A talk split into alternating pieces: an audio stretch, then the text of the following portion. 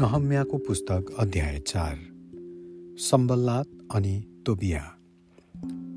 हामीहरूले पर्खाल निर्माण गरिसकेका जब सम्बलतले सुने अनि तिनी अत्यन्तै क्रोधित भए। तिनी युदीहरू प्रति हाँसे अनि तिनका बन्धुहरू अनि सामरियाका सेनाहरू समक्ष तिनले भने ती कमजोर युदीहरू के गरिरहेछन्? के तिनीहरूले त्यो पर्खालको पुनर्निर्माण गर्न सक्छन्? के तिनीहरूले बलिदान गर्नेछन्? के तिनीहरूले एक दिनमा शेष गर्नेछन्? के तिनीहरूले रद्दीको रासका ढुङ्गाहरूलाई जलिरहेको भए तापनि जिउँदो तुल्याउन सक्छन्? अम्मुनी तोबिया उनको छेउमा थिए अनि भने तिमीहरू के बनाउँदैछौ?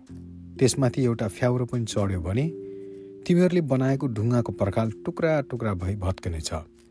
मैले भने हाम्रा परमेश्वर हाम्रो प्रार्थना सुन्नुहोस्।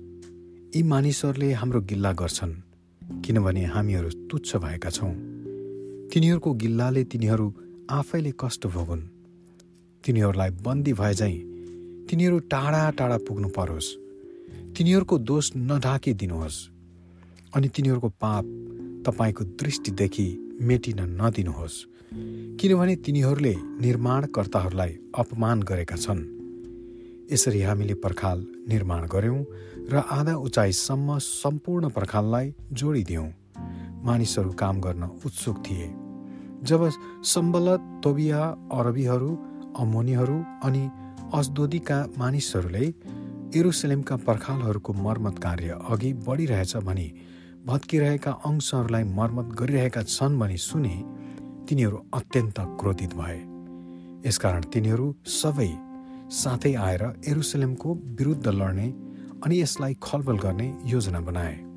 तर हामीले हाम्रो परमेश्वरसित प्रार्थना गऱ्यौँ अनि हामीले तिनीहरूका कारणले पर्खालको रक्षाका निम्ति दिनरात रक्षकहरू नियुक्त गऱ्यौँ तर यहुदाका मानिसहरूले भने कर्मीहरू थकित हुँदैछन्।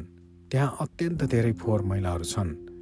हामी आफैले मात्र पर्खालको पुनर्निर्माण गर्न कहिले पनि गर्न सक्ने छैनौँ।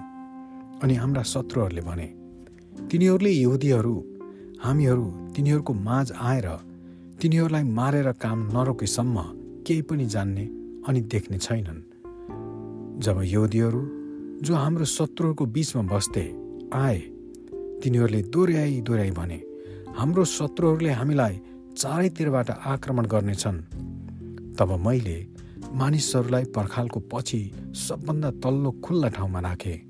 र तल्लो खुल्ला भूमिहरूमा पठाए।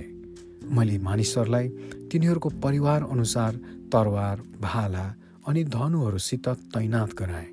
सबै कुरा हेरेपछि मैले तुरुन्तै मुख्य अधिकारीहरू र अन्य मानिसहरूलाई भने तिनीहरूसित भयभीत नहो।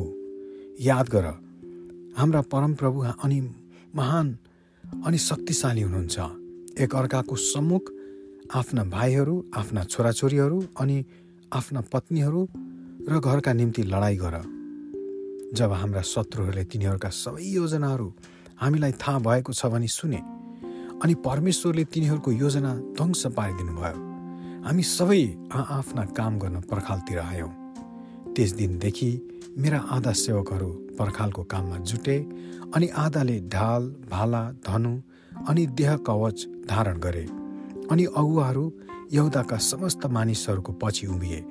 भारी बोक्नेहरूले एक हातले भार थामी अर्को हातले हतियार समाति काम गरे।